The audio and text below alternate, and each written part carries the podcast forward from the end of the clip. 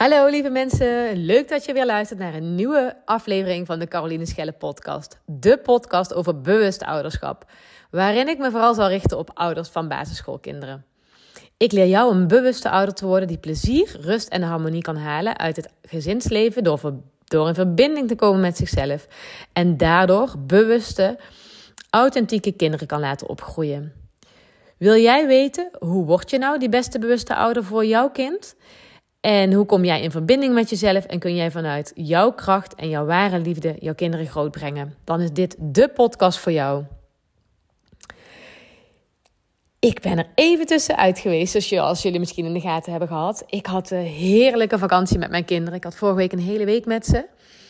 En dat vind ik altijd enorm fijn. Ik heb me ook echt de hele week dan alleen maar op de kinderen gericht. En we zijn heerlijk de natuur in geweest. We hebben op de Koningsmarkt gestaan. En superleuke dingen eigenlijk met elkaar gedaan. Dus ik was er heerlijk tussenuit. En deze week heb ik een week geen kinderen en ben ik echt aan het knallen voor mijn business. En dat is ook wel eens fijn om te doen.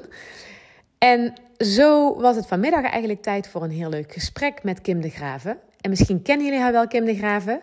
Ik heb afgelopen half jaar bij haar in een traject gezeten, in een Freedom Unlocked. En ik vond het daadwerkelijk fantastisch. Ik heb er nog enorm veel geleerd. En met name is zij ook degene geweest die mij echt um, de stap heeft durven laten zetten tot het ondernemerschap. Ik had al zo lang die droom, maar die droom die bleef maar op de plank liggen. En nu is mijn droom gewoon werkelijkheid geworden. En dat is echt fantastisch. En daar ben ik haar heel dankbaar voor. Zij noemt zichzelf mentor, de vrijheidsmentor. En zij leert eigenlijk mensen toveren met tijd, energie en geld. Ik vind haar een heel mooi mens en ik vind haar ook echt een bewuste ouder. En dat was voor mij ook eigenlijk de reden dat ik dacht, nou met haar wil ik eigenlijk heel graag in gesprek gaan. Het is niet echt een interview vanuit mijn kant, het is een, gedeeltelijk een interview vanuit haar kant naar mij toe. Um, maar uh, ik stel haar ook wel een aantal vragen. Dus nou, ik kan me voorstellen dat het toch heel leuk is voor jullie om ook te luisteren. Ik wens jullie dan ook heel, heel veel plezier. En um, nou, ik hoop dat jullie er iets uit kunnen halen. Dit is de Freedom Unlocked podcast en ik heb uh, een speciale gast erbij. Het is uh, Carolien Schelle.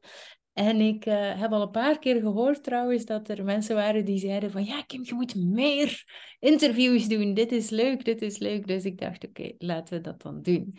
Um, maar Carolien, wilt jij misschien wat meer over jezelf vertellen? Nou, dat wil ik zeker.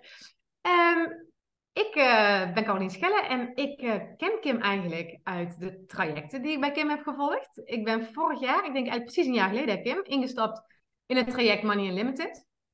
En um, ik werd daar zo enthousiast van. En ik kwam daar helemaal blanco in met nul kennis over beleggen, over investeren. En um, nou, na vier maanden kwam ik het programma uit en dacht ik, nou, jeetje, ik had nooit kunnen denken dat ik op zelfstandige basis echt zou kunnen gaan investeren.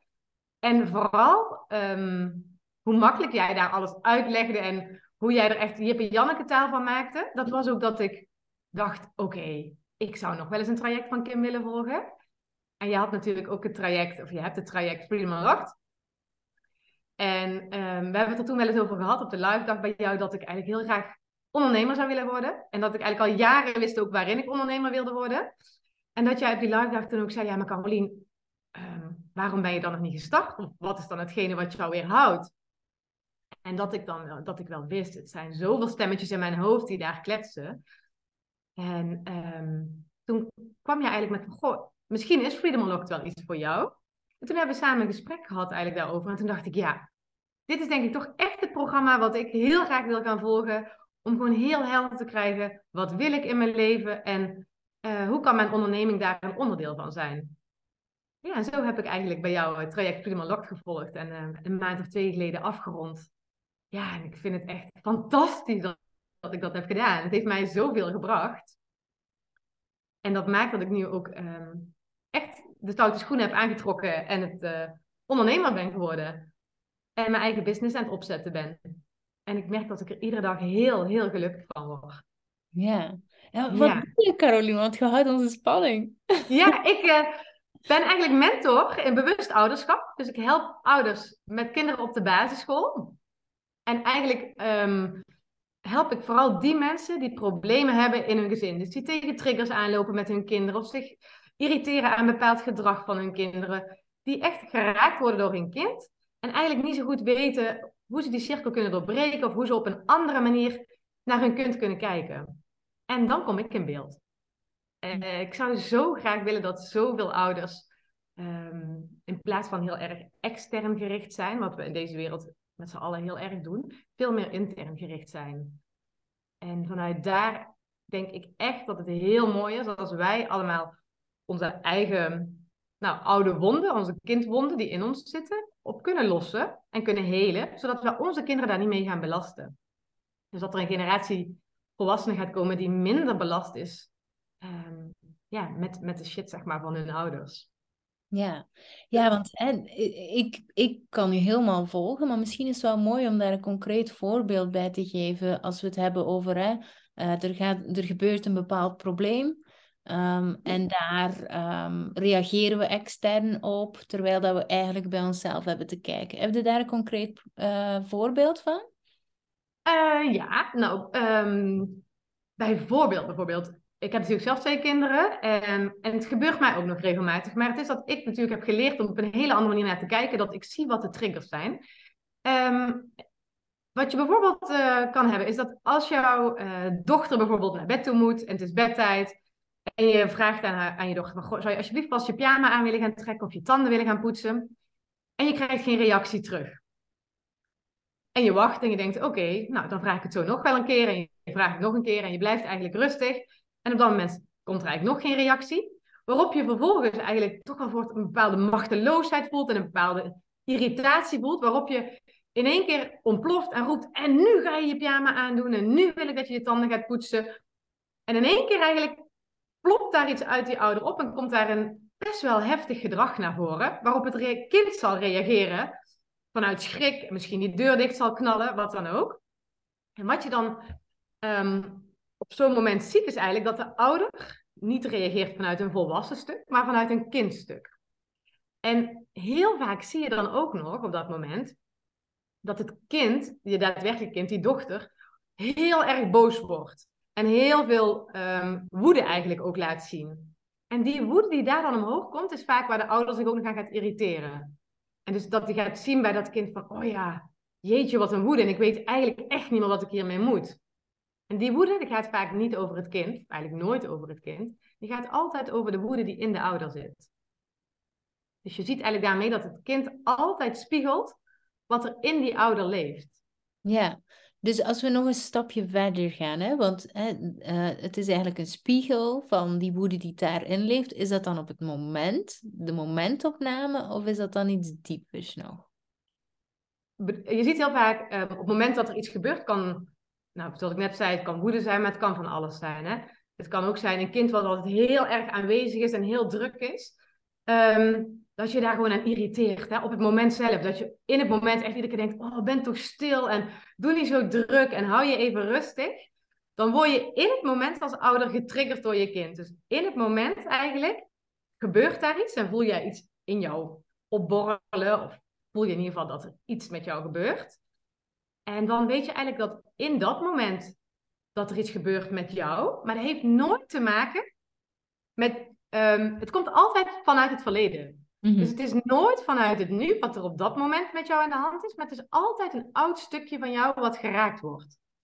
En in dit geval kan het bijvoorbeeld zijn als jouw kind zo aanwezig is, zo op die voorgrond en je houdt daar als ouder van, ouder eigenlijk niet zo van en je houdt niet zo van mensen die eigenlijk zo nadrukkelijk aanwezig zijn, dan heeft dat vaak te maken met een overtuiging die je hebt opgepikt in jouw kinderjaren, in die eerste zeven jaar eigenlijk al.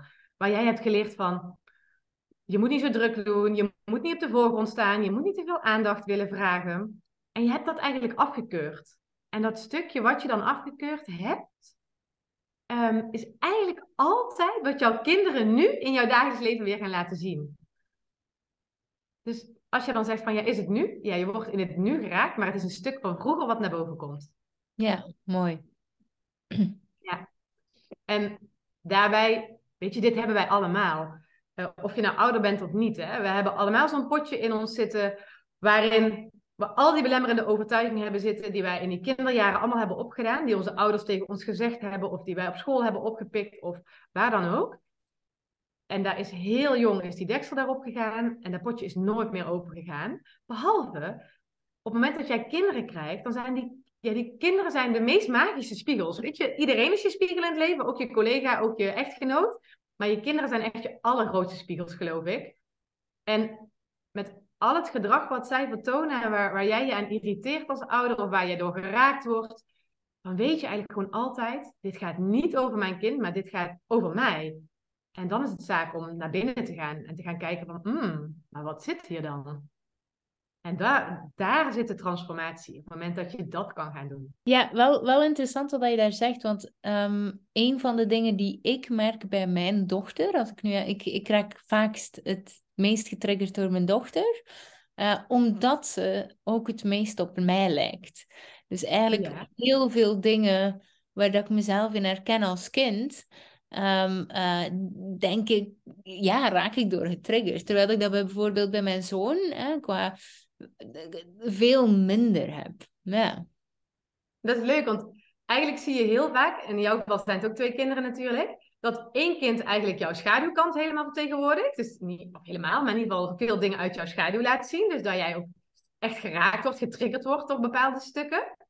En je andere kind laat heel vaak de zonnige kant eigenlijk zien. Het stuk wat jij al geleefd hebt en wat geliefd is van jouzelf.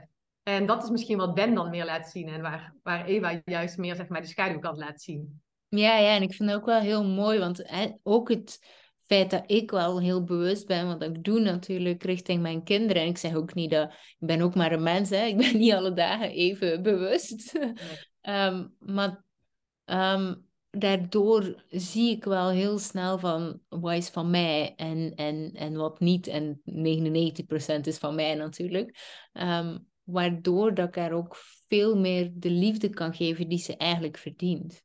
Ja, ja, dat is zo mooi wat je zegt. Want dat is precies uh, wat ik zoveel kinderen en veel ouders gun. Dat ze hun kind authentiek kunnen laten. Dat het kind echt kan zijn wie die is. In plaats van dat de ouders daar continu um, op projecteren. En niet in de gaten hebben dat ze aan het projecteren zijn. En het dus continu zeg maar, bij hun kind zoeken in plaats van bij zichzelf zoeken. En dat is ook uh, waarom ik het ook zo leuk vond om met jou in gesprek te gaan. Omdat ik uh, door de trajecten heen natuurlijk best wel gezien heb wie jij bent als mens. En daardoor heel goed heb gezien ook dat jij altijd um, kijkt wat jouw aandeel is. En altijd kijkt wat erachter zit en welk stuk van jou is. Hmm. En dat, dat is denk ik mega waardevol als ouder zijnde. Ja, en, en voor, voor, voor mensen die dit stukje nu horen en ergens wel zoiets hebben van... Oh ja, ik, uh, ik, ik, ik voel dit wel, maar en ik, en ik snap wel wat je zegt, maar hoe dan? Mm Wat zou je eigenlijk kunnen zeggen hoe dat zij ehm, eigenlijk al kunnen, kleine stapjes kunnen doen richting ja, bewust ouderschap, laten we het zo even noemen. Ja, nou, um, ik geloof zo altijd, alles wat die kinderen je laten zien ligt eigenlijk in je schaduw. Hè? Dat is dat potje waar ik het net over had. Dat zijn die stukken waar je eigenlijk zelf niet bewust van bent.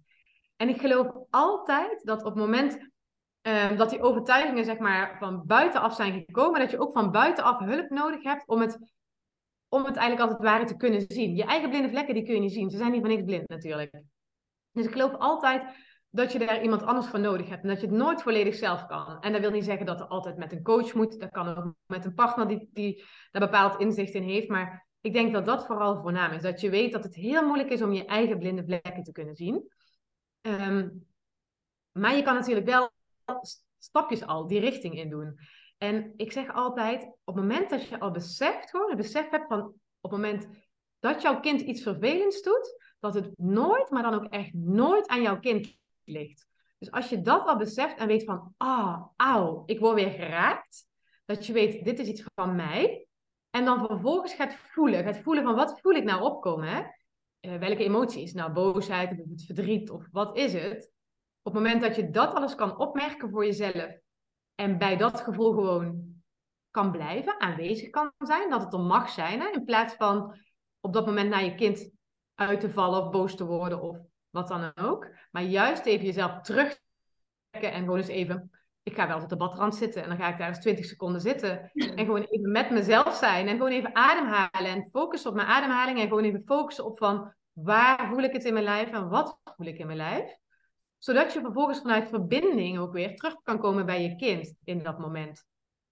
En dat zijn al van die hele kleine stapjes die je kan maken, waardoor het niet ehm, hoeft te zijn dat je iedere keer of heel boos wordt op je kind, of dat het, um, nou ja, weet je, dat je weer eens een keer explodeert of wat dan ook. Dat zijn de kleine stapjes die je al kan maken daar naartoe.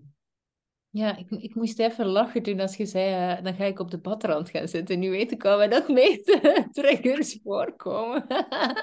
maar, we hebben allemaal zo'n plekje. Bij mij is het niet de badrand. ja, bij mij is, het, is dat de plek waar ik dan even mezelf terugtrek en waarvan ik weet, oké, okay, nu wil ik even alleen zijn. En dat is ook zo belangrijk, hè? want um, ik zie zo vaak ook, ik kies er dan voor, op dat moment voor om mezelf even op één te zetten. Want het, in dat moment gaat het even om mij en is het even belangrijker dat ik tot mezelf kom en in verbinding kom met mijzelf, uh, dan dat ik daar in het moment bij dat kind blijf. Dus op het moment dat ik dan aan mijn kind aangeef van, joh, ik heb nu even tijd nodig voor mezelf. En op het moment dat ik weer de verbinding kan maken met mezelf en gun me die tijd even, dan ben ik er dadelijk weer voor jou. Op het moment dat je jezelf daar even die prioriteit kan geven, dan kan je daarna ook op een betere manier weer naar je kind toe komen. En um, ik zie dat heel veel ouders, en niet alleen moeders, maar ook vaders, eigenlijk zichzelf bijna nooit op één durven zetten. Dat ze altijd de kinderen boven alles zetten en alles belangrijker maken uh, dan zichzelf als ouder. Terwijl ik denk, jouw kinderen pakken, pakken altijd jouw energie. Ze pakken altijd hoe jij je voelt en uh, hoe jij door het leven gaat. En ze luisteren nooit naar jouw woorden. Hè? Dus je kan maar beter zorgen dat je jezelf echt goed voedt. En jezelf op één zet en doet waar jij blij van wordt. En doet waar jij energie van krijgt. Want dan gaan je kinderen dit naleven. Ja. Iets beters kun je denk ik echt niet doen. Ja, en ik, en ik denk daar ook inderdaad... Um, het, het opeenzetten en egoïstisch zijn is natuurlijk ook een schaduwkant. Hè? We mogen niet egoïstisch ja. Zijn, hè? heel ja. stuk. Um, um, terwijl in mijn ogen is jezelf op één stellen, als we het dan toch in die termen kunnen bekijken, helemaal niet egoïstisch. Want ik vind het veel egoïstischer als je er de hele dag voor iedereen wilt zijn. Plus, hè, wat is ook de intentie? Waarom wilt je er voor iedereen zijn? Ja, omdat jij bang bent dat je verlaten wordt. is best een egoïstische gedachte. Oh, dan ben ik ja. Dus ja, goed, als we hem echt doortrekken en dan... Uh, en, en, dan kom je thuis, zijt je heel de dag over je grens gegaan en dan vraagt je kind iets en jij bent moe en je bent over je grens gegaan, je energiepot is leeg en dan valt je net heel hard uit. En ja. um, is dat niet zeer egoïstisch? Dan zit ik liever even op de badrand. Uh, nou, absoluut. Een tijdje voet. En dan zeg ik liever de hele dag vaker nee tegen mensen, zodat ik de juiste energie heb voor de mensen die er echt toe doen. Ja, en dat is het. Dat denk ik ook. Hè. En de band die je met je kinderen hebt, die heb je met niemand anders in je leven. Je hebt zoveel banden in je leven. Weet je, je hebt zoveel relaties in je leven. En heel veel relaties, dat weet je ook, die verbreek je weer. Hè, met vrienden, met collega's, met wat dan ook. Maar die met je kinderen, hè, die, die is voor altijd. Hè. En um, daarom denk ik ook, zorg ook dat je echt komt opdagen vanuit die energie dat je graag wil dat je kinderen later ook gaan leven. Want dan kunnen zij het naleven. En ja. Um, ja, ik denk dat daarom dat ook zo onwijs belangrijk is. Ja, ik, heb, ik heb laatst een uh, quote uh, gehoord die hier heel dicht bij aansluit, maar misschien weet jij wel van wie dat die is. En die was, um, uw kinderen uh, willen altijd uw beste vriend zijn. Klinkt misschien gek, het was iets anders, maar die willen altijd de beste relatie met u. Dus ja. als een relatie met uw kind niet goed zit, dan ligt het aan u. Want ja. je hebt alle mogelijkheden. Want zij willen niet liever. Dat is wat als dat, is, dat betekent het meest, meest, meest van al van, van, van voor Ja, en andersom is het wel mooi. Want dat is helemaal waar vanuit het kind is dat zo. En zeg ik ook altijd, zij mogen die wens ook echt hebben. Maar andersom is het niet zo dat de ouders de wens mogen hebben dat hun kind hun beste vriend is. Ja, ja, voilà. Snap je? Dat is dan eigenlijk een beetje tegenstrijdig. Maar ik denk wel dat het echt zo is. Yeah. Omdat uh, als ouders heb je wel echt de rol om je kind te begeleiden hier door het leven. En niet om zijn beste mattie te zijn. Nee. En daar zit wel degelijk een groot verschil. Dus het is fantastisch als jij zo'n goede begeleider kan zijn. Of zo'n goed persoon kan zijn die het voorleest voor je kind. Dat jouw kind jou de beste vriend gaat vinden. En jou de aller ja, fijnste relatie gaat vinden met jou. Um, maar het is wel degelijk iets dan andersom. Zeker. En, en het was ook niet vriend hoor. Dus pas op. Want ik, terwijl ik het zei, dacht ik ook van... Hmm, het is echt meer de beste relatie, dat, ja. dat echt een verlangen is. Want inderdaad, ja. als je dat, ja, ik bedoel, dit Ik is snap hem helemaal. toch? Maar, maar, maar wacht, iemand heeft het ook, ik weet niet hoe dat het precies noemt, maar er is ook wel een hele foute energie tussen de ouder als je, eh, als uw kind uw beste vriendin is of vriend. Ken, kent jij daar meer over? Nee, goed. Daar is Wil het, je, wil je symbiose of bedoel je, dat bedoel je niet? ja, goed, laten we hem even... Nou, maakt niet uit. Ja, Maar we zijn dat Ja. Maar, daar, maar daar, daar zit dus ook iets heel. eh, ik heb er een podcast over opgenomen met Ellen eh, van Vliet en daar komt het even Ja. te sprake. Dus als iemand hem wilt horen, moet je daar even luisteren. Ja, ja. ja, alright. Ehm, het, het, ja, want je zei op een bepaald moment van, hè, wat, wat kun je eerst doen? Dus rust nemen voor jezelf, dat is één ding. En even voelen, wat gebeurt er nu bij mij? Ehm, eh, wat dat ik een tijdje heb gedaan, en misschien is, ik weet niet of dat jij dat soms aanraadt, is een triggerboekje. Ehm, omdat ik wel geloof dat hoe dat je één ding doet in het leven, doe je niet alles, maar wel heel veel. Ehm, en eh, daar begon ik eigenlijk elke trigger die ik tegenkwam gedurende de dag op te schrijven. En dan, waar komt dit nog voor in mijn leven? En waar, wat, welk geloof zit daarachter? Welke overtuiging zit daarachter? En wat ga ik daaraan doen? Ja, het is super mooi dat je dit zegt. Want dit is ook wat ik heel vaak mensen aanraad. En ook precies wat jij zegt. Ehm, als jouw kind, eh, als jij je irriteert aan iets bij je kind, dan ga maar eens terugdenken in jouw leven. Dan zijn er meer plekken waar jij ditzelfde gedrag hebt gezien, waar jij je ook zo geïrriteerd hebt. Dus dat is altijd heel raadzaam om voor jezelf te kijken van, ah, maar die collega die doet trouwens hetzelfde. En daar heb ik ook eigenlijk best wel een hekel aan. Ik weet vroeger dat mijn vader altijd zo reageerde. En dus dat is wel heel mooi wat je zegt. Op het moment dat je dat voor jezelf opschrijft, dan krijg je die patronen eigenlijk heel erg helder. Ja, En, eh, ja, ja dat, en dat maakt veel inzichtelijk. Zeker. En ik weet nog hoe, hoe toen als ik het deed, dat ik echt om duur zoiets had van, wat een bitch ben ik eigenlijk. Ik raak de hele dag getriggerd door iedereen. Het was echt veel. En ik dacht eigenlijk dat dat best wel goed zat bij mezelf.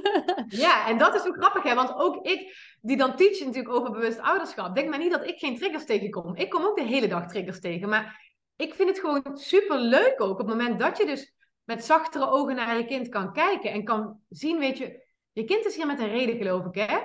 Je, je kind is niet voor niks bij jou, die heeft jou uitgezocht als ouders en die, die zijn hier gekomen om jou iets te leren en jij bent er om hun iets te leren. Mhm. En ik denk dus ook dat dat, als je zo naar je kind kan kijken en iedere keer kan zien van wauw, wat een cadeautje. Dat je mij dit weer laat zien en dat je iedere keer dankbaar daarvoor kan zijn. Dan wordt het ook zo leuk om iedere keer die triggers toch weer te krijgen. Want iedere keer groei je daardoor als mens en besef je weer, oh ja, tof hoe je mij dit weer laat zien. En tof dat jij deze rol mag vervullen in mijn leven.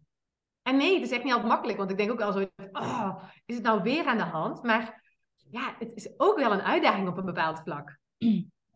Ja, snap ik. En ook wel weer daar, want ehm, iets wat ik me dan afvraag is, hoe, hoe voel je het verschil tussen een trigger en, eh, en ik snap wel dat je moet voor de trigger gaan zitten, dus tot daar ben ik mee.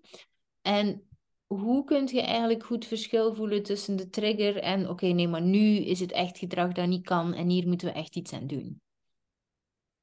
Ehm, ja, ik, ik- gedrag wat niet kan, ja. Ja, ja, ja, goed. Ja, Maar bijvoorbeeld, bijvoor- even een voorbeeld. Ehm, em, eh, bijvoorbeeld, mijn zoon kan best agressief zijn. En ik, heb, ik vind van mezelf dat ik het op een goede manier heb aangepakt. Maar goed, ehm, op een bepaald moment heeft hij een kindje geschopt op zijn tanden. Ehm, eh, bewust. Eh, dus, Mhm. eh, maar goed, het was ook wel echt een eikeltje. Maar dat heb ik niet gezegd. maar dus, we hebben het goed opgelost, het is allemaal uitgepraat. Maar dus, pak nu dat dat gebeurt en je ziet van, ja, dit kan eigenlijk echt niet. Je kunt geen mensen pijn doen. Ehm, Nee. dan- kun je niet even gaan zitten op de badrand en zeggen, oh, ik ga even voelen eh, en mezelf op Nee, één zetten. En dus, dus, dus, pak, wat doe je dan? Ja, ik denk dat je ook gewoon als ouder altijd bepaalde waarden en normen in je gezin hebt. En bepaalde dingen waarvan jij denkt, dit is wat ik mijn kinderen heel graag mee wil geven. En ehm, je, ik denk dat je ook ontzettend duidelijk bij jezelf voelt, als jij geraakt wordt, of het een stuk van jou is, of dat wat jij net zegt, precies, dat het echt iets is ehm, waarvan jij zegt, dit past niet binnen mijn waarden en mijn normen. En wij, wij doen elkaar geen pijn in dit gezin. Ehm, dan voel je heel duidelijk daar al het onderscheid of het iets is vanuit jouw waarden en norm, Of dat het voor jou een herkenbaar stuk is van, ai, eh, dit is de, de, je voelt het bijvoorbeeld, stel dat jij vroeger geschopt bent of gepest bent en jouw zoon doet het nou, dan voel je dat op een hele andere manier bij jou binnenkomen uh, dan wanneer dat niet zo is. Dus je kan daar eigenlijk bijna al, um, ja, bijna vanzelf voelen of het een stukje van jou is daarin, of dat het een stuk is um, waar Ben gewoon bepaald gedrag getoond waarmee die zeg maar over een bepaalde grens heen gaat, omdat het niet binnen jullie waarden en normen past. Ja, en die is wel heel interessant, want natuurlijk, hè, het was even voor het verhaal, is altijd, is altijd yeah. sap in de podcast. Um, het was een kind dat hem eigenlijk al heel de tijd pestte en hij bleef maar over zijn grens gaan en hij, hij uit onmacht schopt hij tegen zijn tanden. En het ding is natuurlijk, het ding dat bij mij geraakt wordt, dus ik ben ook extreem hard gepest. En um, ja, daar heb ik me ook wel heel hard voor moeten verweren. En dat is ook een van de dingen dat ik doorheen mijn leven gedaan heb. Altijd heel hard werken, heel hard uh, uh, dat. En dat, daar, daar ben ik oké mee. Maar het was wel grappig, want er werd ook toen wel een stuk in mij geraakt van. Want ik had geen medelijden met de jongen die zijn tanden uh, aan het bloeden waren, maar wel met mijn zoon. Ah ja. Ah, ja. ja, en je bedoelt dat jij op dat moment dan dus geen tijd, dat jij weet van het is mijn eigen stuk, maar dat je dan niet de tijd hebt om even op die badrand te gaan zitten bijvoorbeeld.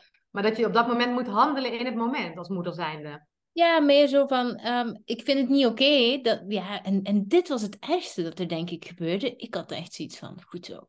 En, en dan moet je... En, oh, dit is, ik hoop dat mijn zoon hier nooit naar luistert. Maar goed, um, um, maar dus, dus... En ook de ouder van het andere kind niet. Vooral ja. Nee, dat zijn, zijn vrienden, dus die, die kunnen dat, wel hebben. maar... Het ding daar was wel van, ik voelde wel dat dat geraakt was. Want ik, ik had wel zoiets van, oh, langs de ene kant goed gedaan en oh, jammer dat je dat overkomt. Maar ik, ik, ergens moet ook wel zeggen van, het is niet oké okay nee. dat je het doet. En, en dit vind ik heel moeilijk, want... Ja, maar ik denk dat op het moment dat je daar, um, en dat is wat ik altijd heel veel ouders aanraad, op het moment dat jij je dan kwetsbaar opstelt naar je kind en zegt van, jeetje, dit is niet oké, okay, want er kan dit en dit en dit gebeurt er dan op zo'n moment. Maar weet je, um, ik herken het ook heel erg, want ik ben vroeger gepest of dit of dit of dit. Op het moment dat je dat gaat uitleggen en dat je aan je kind vanuit kwetsbaarheid gaat vertellen wat er dan zo eigenlijk bij jou van binnen gebeurt en waardoor jij geraakt wordt. En daarnaast dat je dus uitlegt van ja, maar luister, Ben, dit kan echt niet, want zo, zo, zo.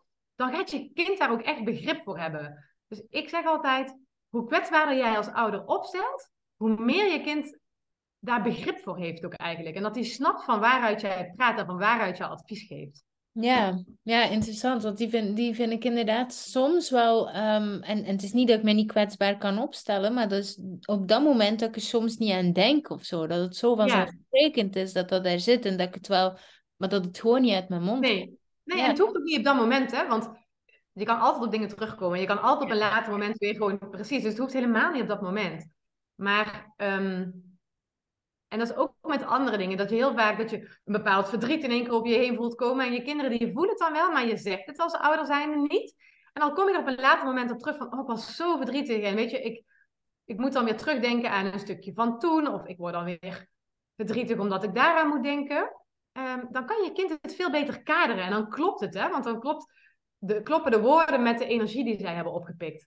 Ja. En daar zit heel vaak dat zij wel een energie oppikken, maar dat jij met je, met je woorden of met je, ja, dat je het heel anders probeert te vertellen, waardoor het voor de kinderen niet matcht. En daar is die zuiverheid zo vaak zo belangrijk in.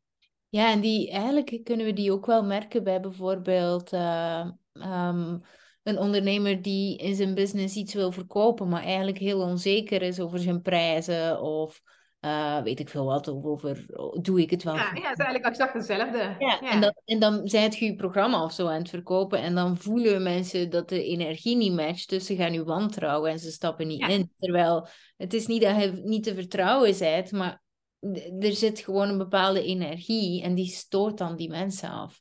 En de, eigenlijk net eigenlijk een beetje hetzelfde. Ja, eigenlijk is dat vergelijkbaar. Ja, denk ik ook, absoluut. En dan denk ik daarin, ja, zeker. Ja. kinderen zijn natuurlijk daarin echt helemaal grote volsprieten. Maar ja, precies zo. Ja, en ik. ik... Eh, oei, sorry. Nee, zeg maar. Ja, nou, ja, ik, ja sorry. Ik, wel, ik, um, uh, nu dat we toch bezig zijn over kwetsbaarheden. Ik heb iets gedaan onlangs, uh, in januari ergens.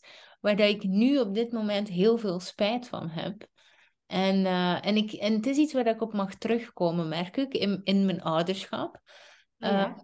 Uh, mijn zoon had toen zijn sleutelbeen gebroken. Daar is ook een podcast uh, over. Iets Ja. van ja, ik weet het nog. lessen die ik in spoed eh, heb geleerd. Dus als mensen dat verhaal willen horen, moeten ze maar naar daar. Ehm, en, en die had zijn sleutelbeen gebroken. En toen ehm, moest... Even denken. Ja, toen kwam de ambulance, dus eh, de, de spoedhulp. Mhm. En eh, die, die wilde hem een spuit geven. Maar mijn zoon die is doodsbang voor spuit. Het is echt extreem. Uh, dus ja, die, die zit niet stil of zo. Of die, die begint te gillen, te slaan, te roepen. Dus dat wil hij echt niet. En uh, ja, ik was heel de tijd bezig van ja, maar het zal toch moeten. En dus ook proberen van. Um, en dan bleek eigenlijk dat er een alternatief was. Dus mijn zoon lag echt af te zien. Het was net geen open beenbreuk. En eigenlijk na twintig minuten ruzie maken, bleek dat er ook gewoon een of ander neusspray was dat ik weet, ik ben geen spoedhulp, maar, maar dat blijkbaar even goed werkte. En, uh, of, of iets minder, maar ook. En, um, ook even. en, ik, en ik was toen zo geschrokken, omdat ik zoiets had van. Je, je, ik was eigenlijk boos, want ze hadden mij zo in een rol geduwd waar ik niet in wilde zitten. En zo, dit moet. En, um, en, en dan, had, dan had ik ook weer zoiets van, oh fuck, en er is wel een oplossing. En ik leer al mijn mensen altijd, wat kan wel, er kan iets anders. En nu doe ik het zelf niet. En zo, dat kwam allemaal boven. En dan waren we thuis en dan zaten we in de zetel de volgende dag. En toen zei ik nog tegen hem van, ik ben super fucking trots op u dat je nee hebt gezegd. En dat je het niet wilde. En als je iets echt niet wilt, zeg altijd nee. Want er is altijd een andere oplossing. Maar Ja. dat heeft hij dus heel letterlijk opgenomen. En, en nu gaat het sinds januari Ja. op allerlei vlakken fout. Dat, dus ja, Dat jij nee krijgt. ja, dus ik krijg nu overal een nee. En echt, en, en mij negeren. En als, als niet, niet constant, is een super lief kind daar niet van. Ja, ja, ja, ja. Maar toch wel vaak dat ik denk van, ja, maar hier, hier ga ik nu wel echt niet over discussiëren. Ja, dus... Ja. dus- en, en, ik, en ik heb nu al zo'n paar keer zoiets gehad van, oké, maar dat was niet wat ik bedoelde. Dus ik voel wel dat ik daar eens een gesprek over moet hebben, maar dat, dat moet ik nog even laten bezinken hoe dat ik dat ga aanpakken. Is het dan dat je spijt hebt van het feit dat je dat tegen Ben gezegd hebt? Van als je een nee voelt, moet je hem ook altijd als een nee communiceren? Of heb je spijt van het feit ehm, dat hij die spuit, dat je eigenlijk meeging en dat hij die spuit moest hebben? Ja, nee, dus al, nee, ik heb geen spijt gekregen. Maar nee, ik heb dus eigenlijk, terwijl ik het zeg, vind ik het nog erger van mezelf. Want ik betrap mezelf op iets. Eigenlijk wil ik dus zeggen, nee, zeg altijd maar nee. Blijf altijd maar uw grenzen stellen. Behalve als ik iets zeg. Oh, Precies, behalve tegen je moeder. Dus ik heb wel gevonden. Dus, dus eigenlijk hoef ik geen, dus eigenlijk hoef ik geen gesprek te hebben met mijn zoon. Ik moet gewoon op de badrand gaan zitten. Ja, maar het is wel echt heel leuk, want het feit dat jij dan ook weer zegt dat hij dit vanaf januari heel vaak doet en dat jij er op een bepaalde manier dan toch weer door geraakt wordt, denk ik, oké Kim, leuk, dit is super interessant. Ja. Opgelost. Ja, geweldige leermeesters toch, die kinderen, echt waar. Ja, maar wel, wel heel cool. Want het is iets dat ik mezelf al een paar keer heb afgevraagd. En ik dacht, ah, ik moet toch eens met Ben gaan zitten. En gewoon door het even met u te bespreken. Ja, maar waarschijnlijk hoeft daar helemaal niks bij Ben te gebeuren, echt niet. Nee, Nee. nee, echt niet. Nee, echt Nee. niet. Maar, maar wel iets met mezelf. wel mooi om Maar weet je, praktijk. Weet je waar ik nog aan moet denken, Kim? Maar ik weet helemaal niet of je daar iets over wil delen. Ik weet dat jij de ayahuasca had gedaan en dat jij terugkwam en dat je ook zei van... Goh, ik heb toch alweer een heel mooi inzicht gekregen over het feit dat... Het patroon wat ik van mijn moeder eigenlijk heb doorgekregen, dat dat onbewust ook weer naar Eva doorgaat. Ehm, en ik weet niet of je daar iets over wil delen, maar ik was daar wel heel benieuwd naar, zeg maar, nou ja, hoe je daar tegenaan kijkt of wat daar dan precies is wat je zou, waar je inzicht in hebt gekregen.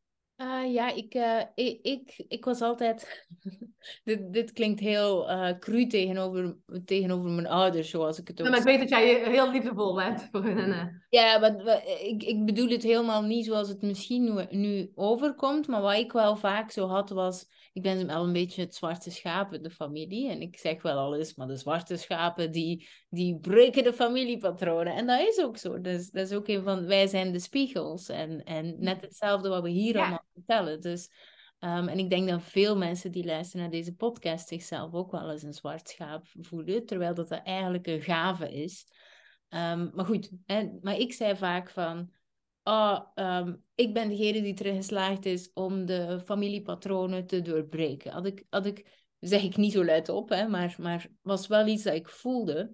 Ja. Toen zat ik in die ayahuasca-ceremonie en toen had ik echt zoiets van, ja, kunt je zelf nog meer voor de gek houden? dus dat is echt zo van, totaal niet. En, en jij doet eigenlijk juist hetzelfde, gelijk je moeder, maar anders. Dus Ja. je, je doet eigenlijk net hetzelfde. En dat vond ik heel pijnlijk, want ehm, ehm, ja, ik, mijn grootste angst is altijd geweest om die patronen over te nemen. Mhm. Ehm, dus eh, ja, vond ik heel confronterend. Daar was ik echt heel eh, ziek van, letterlijk. Ehm, maar dan tegelijkertijd ook van, ja, er is niks verloren. Ik kan gewoon ook nog alles, ehm, alles aanpakken. En tegelijkertijd ook heel veel, heel gek misschien, maar ook heel veel zachtheid naar mijn moeder toe. Van, blijkbaar ja, was het, was het eigenlijk ook wel allemaal vanuit een puurheid, weet je wel? En dat, en, en dat was heel kut, want eh, ik, ik ben nu natuurlijk wel... Is heel kut, want ik, ik, ik was ook wel vaak extern van mijn moeder dit, of, of terwijl ik ook Mhm. zei dat ik dat niet meer deed, maar dus toch wel. Ehm, en, en dus toch wel tot veel inzichten gekomen van ehm, dat het allemaal nog wel veel zachter mag. Ja, ja. Ja, mooi. Echt Ja, heel mooi dat je daar dan... Ja, en wat je al zegt van... Je, ik denk, je bent nooit te laat. Weet je, al zou je 30 jaar ouder zijn, dan is het nog niet te laat. Er is, al- je hebt altijd kans om het toch weer op een andere manier te gaan doen. Dus wat een cadeau voor Eva, eigenlijk, dat jij dit dan inziet. En ja, het in ieder geval dat het bij jou wel echt kan gaan stoppen. En dat het niet over hoeft te gaan naar, eh, naar Eva weer. Ja, en ik denk ook wel, hè, want ik zeg, oh, ik ben niet te laat. Ehm, ik, weet niet of dat, dat de juiste woorden waren dat ik bedoelde. Ehm, want je zei het inderdaad nooit te laat. Zelf al, hè, zou iemand al gestorven zijn of zo. Hè, want een van de dingen die ik bijvoorbeeld in het begin had toen als mijn broer gestorven was, was... ehm, Jezus, nu wordt het... ehm, was, eh,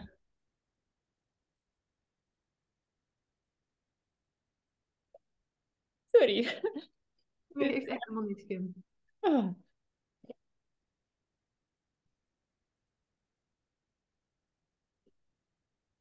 Ja, oké. Maar een van de dingen ehm, die ik had bij mijn broer helemaal in het begin was... Ja, had ik hem maar meer gezien en weet wel, zo die dingen. Ehm, en ook wel zo'n bepaalde hardheid en boosheid. En dingen die je anders moet aanpakken. En tuurlijk, hij ziet ook wel, er is, er is een bepaald verdriet. En dat verdriet mag er ook zijn. Dat ga ik nooit weg. En ja, ik, bij mij is ook het probleem. Ik ben dus een heel emotioneel persoon. Dus elke keer als ik over hem spreek, dan komt dat gewoon. Dus het is niet zo... Ik vind dat niet erg en, en, en, en ik vind dat ook helemaal prima. Maar dat komt dus gewoon. Ehm, maar eh, het is gewoon niet zo handig in een podcast. maar ehm, langs de andere kant heb ik ook wel gemerkt dat ehm, door, door zijn dood ook, dat, dat ik ook tegelijkertijd veel dichter bij hem ben gegroeid. Dus het is niet zo dat ehm, als iemand er niet meer is, hè, bijvoorbeeld moest je nu zeggen van, oh, ik heb spijt, want had ik maar. Ehm, relaties zijn voor altijd. Het is niet zo van, oh, als dat, als dat, en het klinkt heel zweverig, maar als dat lichaam dus ja. niet meer is, dat je geen energetische relaties meer kunt opbouwen. Voor mijn broer is dat ook. Ik praat nog elke dag met mijn broer. En het is niet omdat ik gek ben in mijn hoofd of zo, maar zijn foto staat op de kast en, en hij ging heel veel op reis. Dus ik denk dat Nathan meer gereisd heeft dan ik. Ehm, dus ik heb heel veel eh reisfotootjes van hem. Dus en, en het lijkt gewoon alsof dat hij op reis is. En dat gewoon zo is van, oh, nu zit hij daar. Of nu zit hij... Zo heel gek, maar je... Ja, voor mij is het een andere soort relatie. Dus ja, als we zeggen het is nooit te laat, het is ook echt nooit te laat. En bij mij ook, ook een, langs de andere kant, dat is één kant. En langs de andere kant is het ook hè, met je dochter dan. Je, je doet altijd al je uiterste best. Je doet alles wat je kunt, toch? Dus, ja, absoluut. Iedere ouder. Ja. Ja, voilà. Dus had ik het gezien daarvoor, had ik het ook wel anders gedaan. En daar oké mee zijn is denk ik het begin van bewust ouderschap. En als je zo zegt, Absoluut. Ja, als je zo zacht naar jezelf kunt kijken, kun je het ook weer mee naar je kinderen. Maar goed, ik ga je daar verder over laten praten. Nee, nee, ja, super mooi hoe je dat zegt. En echt zo, ik vind het heel mooi ook wat je zegt, want het zo herkenbaar is. En ehm, zelfs wat je net zegt over je broer. eh, Mijn moeder is heel lang geleden al overleden, dus ik heb heel jong mijn moeder al verloren. En ik heb eigenlijk mijn hele leven voor haar gezorgd. Dus het was eigenlijk meer dat zij het kind was en ik de ouder was. Dus dat was een hele andere manier ook weer van elkaar verlaten eigenlijk. Eh, maar precies wat jij zegt, ik voel haar nog dagelijks om mij heen. En zodra ik hier een roodborstje in de tuin heb, dan beginnen wij te kletsen. Zelfs mijn kinderen beginnen dan te kletsen van, goh, eh, daar heb je oma Hetty. En, eh, en dat is zo fijn om op die manier gewoon wel energetisch gewoon nog contact te hebben. En ja, mooi en herkenbaar. Ja, ook wel Ja. cool. Hebben uw kinderen ooit oma Hetty gekend of Nee, niet? nooit. Nee, nooit. Ja. Ja. Dus, maar, maar ze is heel levend voor hun toch eh, eigenlijk gewoon doordat we vaak over haar spreken en doordat ze eigenlijk betrokken wordt in ons hele leven, alsof ze gewoon de ziel is die, die bij ons is. Dus dat maakt het wel echt altijd extra fijn. Ja, misschien wel een mooie nu dat we zo toch even in de dood gerold zijn. Ja, deden we ineens. Ehm, eh, hoe, eh, heb je soms klanten die, die daarmee te maken hebben? Die, die, er is bijvoorbeeld een sterfgeval en, en ze hebben zoveel verdriet dat de ruimte er niet meer is voor een kind bijvoorbeeld. En, en dat kind blijft daar dan mee zitten of iets gelijkaardigs. Nee, dat heb ik tot nu toe nog niet gehad. Eh, Maar ik weet wel dat dit, ja, dit komt natuurlijk wel veel voor. En ehm, ja, ik, moet, ik heb dit ook, weet je, ik heb een opleiding natuurlijk ook gedaan hierin en zo. En ik herken het wel heel erg ook vanuit de opleiding. En wat doe je in zo'n geval en hoe ga je daar systemisch dan ook mee om? Maar ik heb het nog niet echt eh, in levende lijven ondervonden dat ik iemand zo in de praktijk had. Ja, wel Maar mooi. dat- Zet het wel doen. Dat vind ik een heel mooi thema eigenlijk ook ergens. Ja, Ja. Ja, en, en hoe zou je dat dan aanpakken?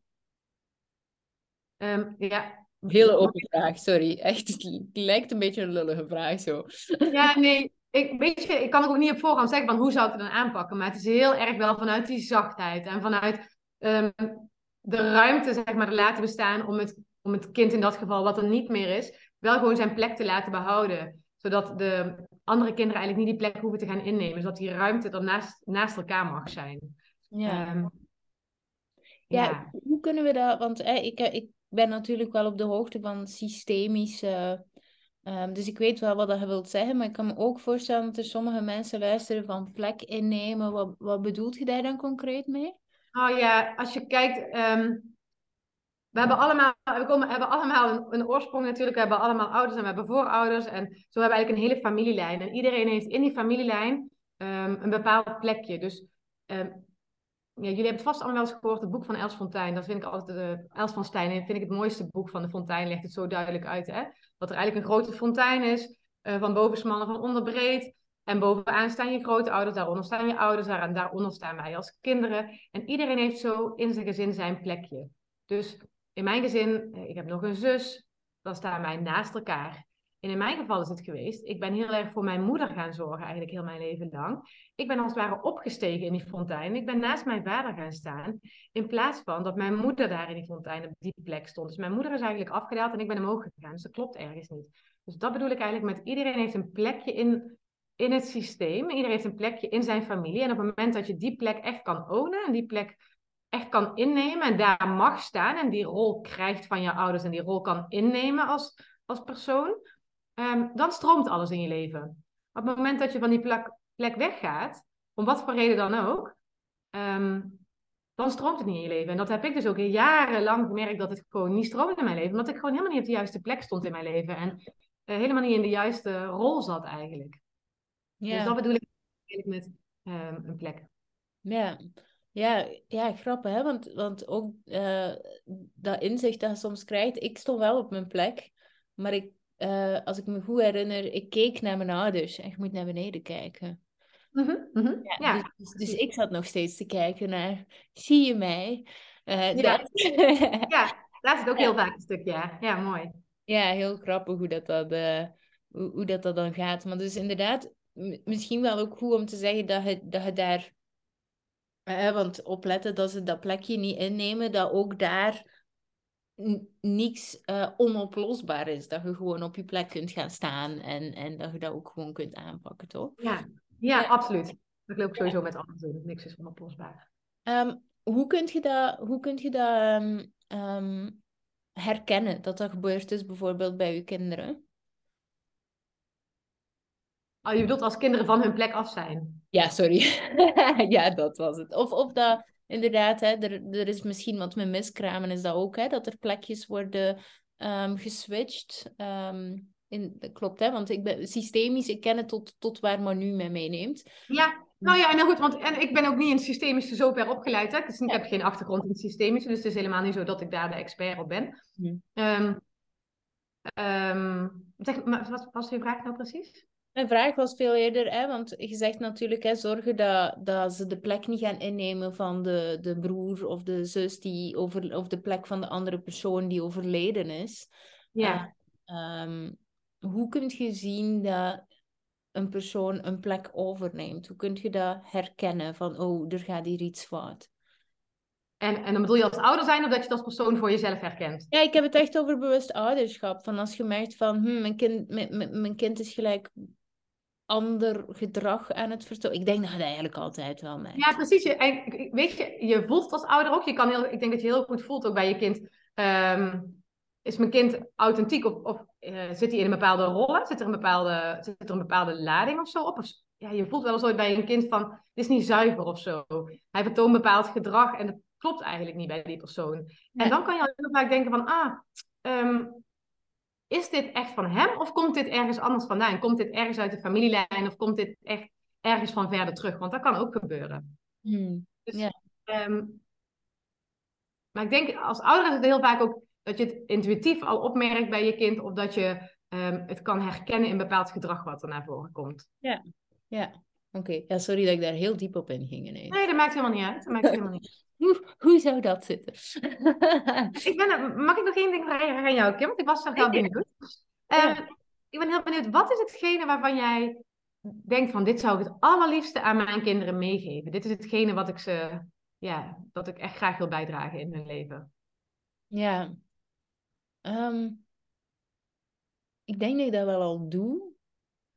Um, maar ik denk gewoon eigenlijk, eh, het, het, is, het, klinkt zo cliché, maar gewoon dat ze eh, zichzelf kunnen zijn. Dat gewoon. En, en ik betrap mezelf er zo vaak op, um, waar dat ik eigenlijk teach aan mensen van ga dromen en onhaalbare dingen.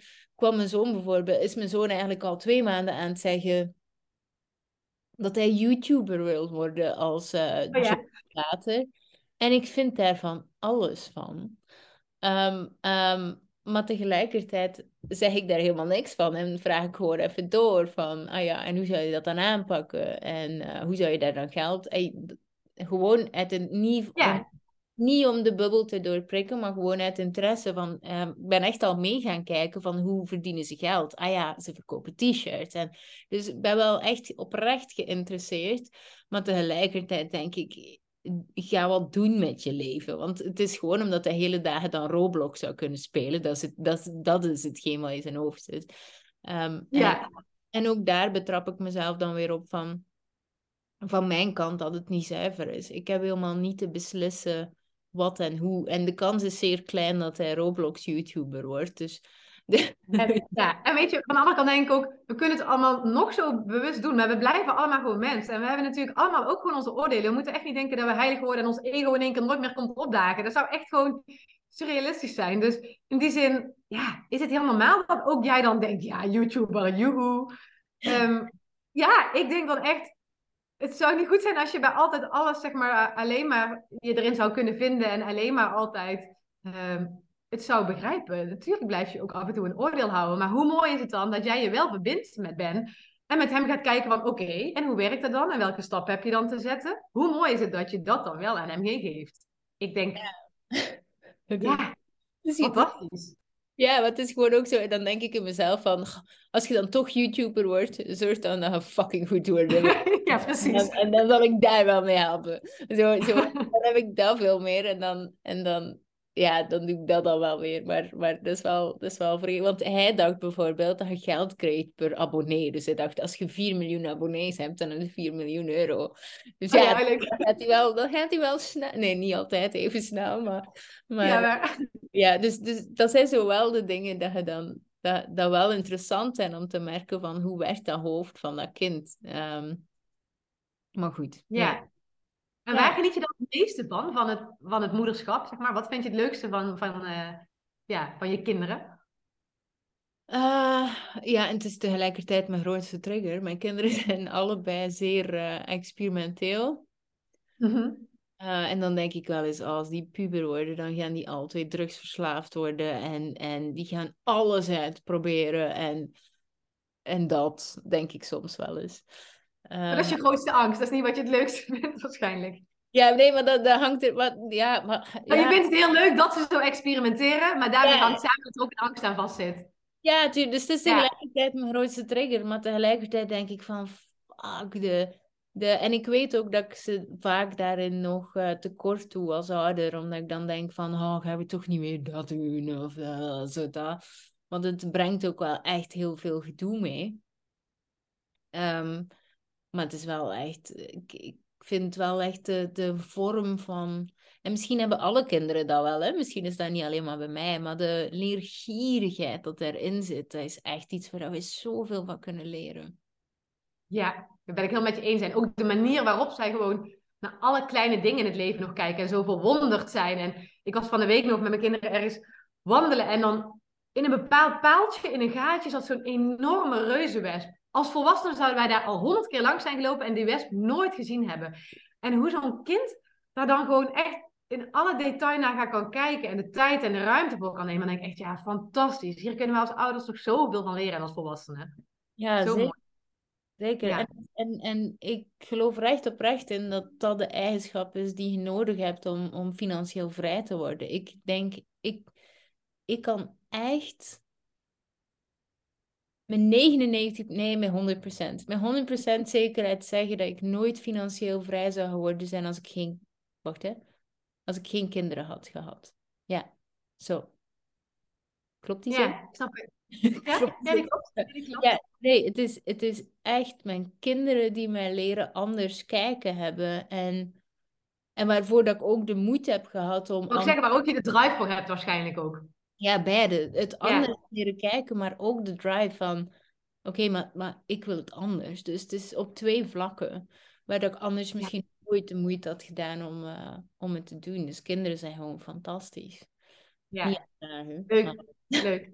En ik, ik, weet je, dit, ik vind het heel leuk, omdat ik jou ook al door de trajecten heen, dat ik natuurlijk bij jou eh, les had. Ehm, je hebt daar nooit heel veel over gepraat, maar ik voelde altijd wel gewoon van, goh, dat je op een bepaalde manier heel dankbaar bent. En dat je er heel veel lessen uithaalt. En dat je op die manier ook heel graag ehm, ja, bewust in het leven wil staan van hun of zo. Ja, ja, zeker wel. Ehm, Ja. Maar ja, dat. Ja, leuk. Ja, heel leuk. Ja, maar ehm, hoe, hoe als, als, als jij nu, hè, want, want pak nu dat mensen hier aan het luisteren zijn naar de podcast, laten we het zo zeggen, en ze hebben zoiets van, oh, die Caroline, die, die, die zegt wel dingen die, die ik de max vind en waar dat ik het gevoel heb eh, dat, ik- dat ik iets mee moet doen. Ehm, wat zou jij dan zeggen? Eh, Of, of veel eerder, hoe gaat jij dan te werk bijvoorbeeld met hen? Ah, op die manier. Nou, ehm, het draait bij mij dus eigenlijk allemaal over heropvoeden van jezelf. Maar dat heb je inmiddels in de gaten. En ehm, wat ik doe, op het moment dat ouders tegen een probleem aanlopen met hun kind, en dat kan echt van alles zijn, hè? dat is echt zo breed mogelijk. Ehm, laat ik mensen bij mij komen en dan ga ik eigenlijk een gesprek met ze aan, waarin ik eigenlijk van allerlei vragen aan ze ga stellen, om helder te krijgen wat hetgene dan is waar ze zo door geïrriteerd raken. Ik ga dan eigenlijk als het ware ehm, ja, een soort van vertaling maken. Ik ga dan kijken eigenlijk van, goh, waar komt dit vandaan en waar wordt het innerlijke kind in die ouder nou precies geraakt? Ik ga vervolgens dat terugkoppelen aan die ouder. Dus ik ga dan eigenlijk een verhaal terugkoppelen naar het innerlijke kind van die ouder, waardoor zij heel erg geraakt worden vaak en gaan voelen van, oh help, dit is precies wat er speelt en ehm, hier mag ik mee aan de slag. En dan ga ik vervolgens eigenlijk met ouders aan de slag ehm, om dat innerlijke kind veel meer lief te gaan hebben en veel zachter te zijn voor zichzelf. En natuurlijk krijgen ze daarbij een heel hoop tips en tools hoe ze ook in het daadwerkelijke leven met hun echte kind. Ehm, eigenlijk veel fijner kunnen communiceren. Hoe ze een andere mindset kunnen krijgen. Hoe ze ander gedrag ten opzichte van een kind kunnen vertonen. Dus zo heb ik eigenlijk een heel traject waarin ik mensen dan gewoon begeleid, zeg maar, van, van A tot Z, om zo die bewuste ouder te worden. En echt met de nadruk dus op het heropvoeden van jezelf en het innerlijk kind gaan, gaan liefhebben en gaan omarmen. Ja. Ja. Ja, en het is heel tof. Ik vind het echt heel tof, omdat ik zie de meest magische resultaten. En wat het allerleukste vaak vind ik is, dat ehm, kinderen die bepaald gedrag vertonen, die doen dat ook om de ouder uh, te laten zien. Hè, van mam, je mag meer op die voorgrond staan. Of mam, je mag meer in de picture. Weet je dat? En um, op het moment dat je als ouder dat gaat ownen, hè, dat jij dus ook meer in die picture durft te komen en meer aanwezig durft te zijn, omdat je dat stukje uit die schaduw hebt gehaald en in dat licht hebt gezet, dan hoeft, die, hoeft jouw kind die rol niet meer te vervullen. Dus die gaat dan niet meer zo op de voorgrond zijn. En die gaat veel vaker rustig zijn en wat relaxter op de achtergrond. Want die heeft zijn werk als het ware gedaan voor jou. Ja. Dus dat is vaak zo mooi. Dat het gedrag bij het kind waar jij zo aan stoort, dat, kan soms als sneeuw voor de zon verdwijnen. Omdat jij een bepaalde bewustwording krijgt. En jouw innerlijk kind zeg maar gaat omarmen. Dat is echt waanzinnig om te zien bij ouders. Ja, mooi. Ja. ja, ja. Hey, en en waar, waar kunnen ze je vinden? Als, uh... nou, wel heel tof dat je het vraagt, want ik heb toevallig volgende week twee uh, leuke masterklassen staan die helemaal gaan over bewust ouderschap. Op woensdag en op donderdag, 10 mei en 11 mei, s'avonds om 8 uur. Wacht, ik... Even een vraagje daarover. Moet je ze alle twee volgen of is het twee keer? Nee, het is er eentje die ik gewoon twee dagen geef. Dus uh, meer om mensen gewoon de kans te geven om uh, eraan deel te nemen. Uh, daar ga ik echt heel uitgebreid in, dus over bewust ouderschap. En mensen die dus struggles in hun gezin ervaren, hoe zij dus meer verbinding kunnen krijgen met hun kind en hoe ze echt die beste band met hun kind kunnen creëren. Um, en daarvoor kun je je aanmelden als je wil. Dat kan via de LinkedIn bio op mijn uh, Instagram-account. En mensen kunnen ook anders via mijn TikTok-account mij vinden, gewoon Caroline Schellen. En ik heb een leuke podcast tegenwoordig. Ja. En allemaal onder mijn eigen naam, Caroline Schellen. Ja, oké. En ik, ik zal ook uh, voor de zekerheid de linkjes uh, uh, zetten onder de show notes. Dat is de, tekst onder de podcast. Niemand weet ook. Oh, tof. Oh, tof. Maar dan doe ik dat even. Ja. Dan stuur ze me even door. oh ja, oké. Okay. Goed, goed. Dit, dit, kunnen we allemaal later. Ja. oké. Misschien, misschien, nog een laatste. Um, misschien nog iets als laatste dat je nog wilt meegeven. Ik vind het zelf altijd een kutvraag als ze mij dit vragen in een podcast. Maar misschien wilt je toch nog een laatste iets delen. Nou, laat, dat voelt het echt alsof ik er een of andere one-liner nee, moet gooien. Dan krijg ik helemaal de kriebel van. Dan ik echt, uh, nee. Ja, niet uh, ik zelf. En deze, deze echt gewoon omdat ik, omdat ik niet weet hoe dat ik deze moet afronden. Dus dan denk ik, oh ja, deze krijg ik altijd op mijn schoot. Nu gaan we hem eens op Caroline's schoot gooien. Uh, laat me nou. nou, wat ik eigenlijk al een beetje gezegd heb, maar wat ik wel echt zou willen zeggen. Weet dat je kind altijd jouw spiegel is. En dat het gedrag wat jouw kind vertoont, nooit of nooit iets met jouw kind te maken heeft, maar altijd met jou als ouder zijnde. Mooie one-liner. nee, maar wel de kern van het verhaal. Ik hoop dat jullie ontzettend hebben genoten van het gesprek tussen mij en Kim de Graven. Ik vond het in ieder geval onwijs leuk om te doen. En um, vonden jullie het leuk en hebben jullie er iets uitgehaald, dan zou ik het super tof vinden als jullie mijn podcast willen beoordelen.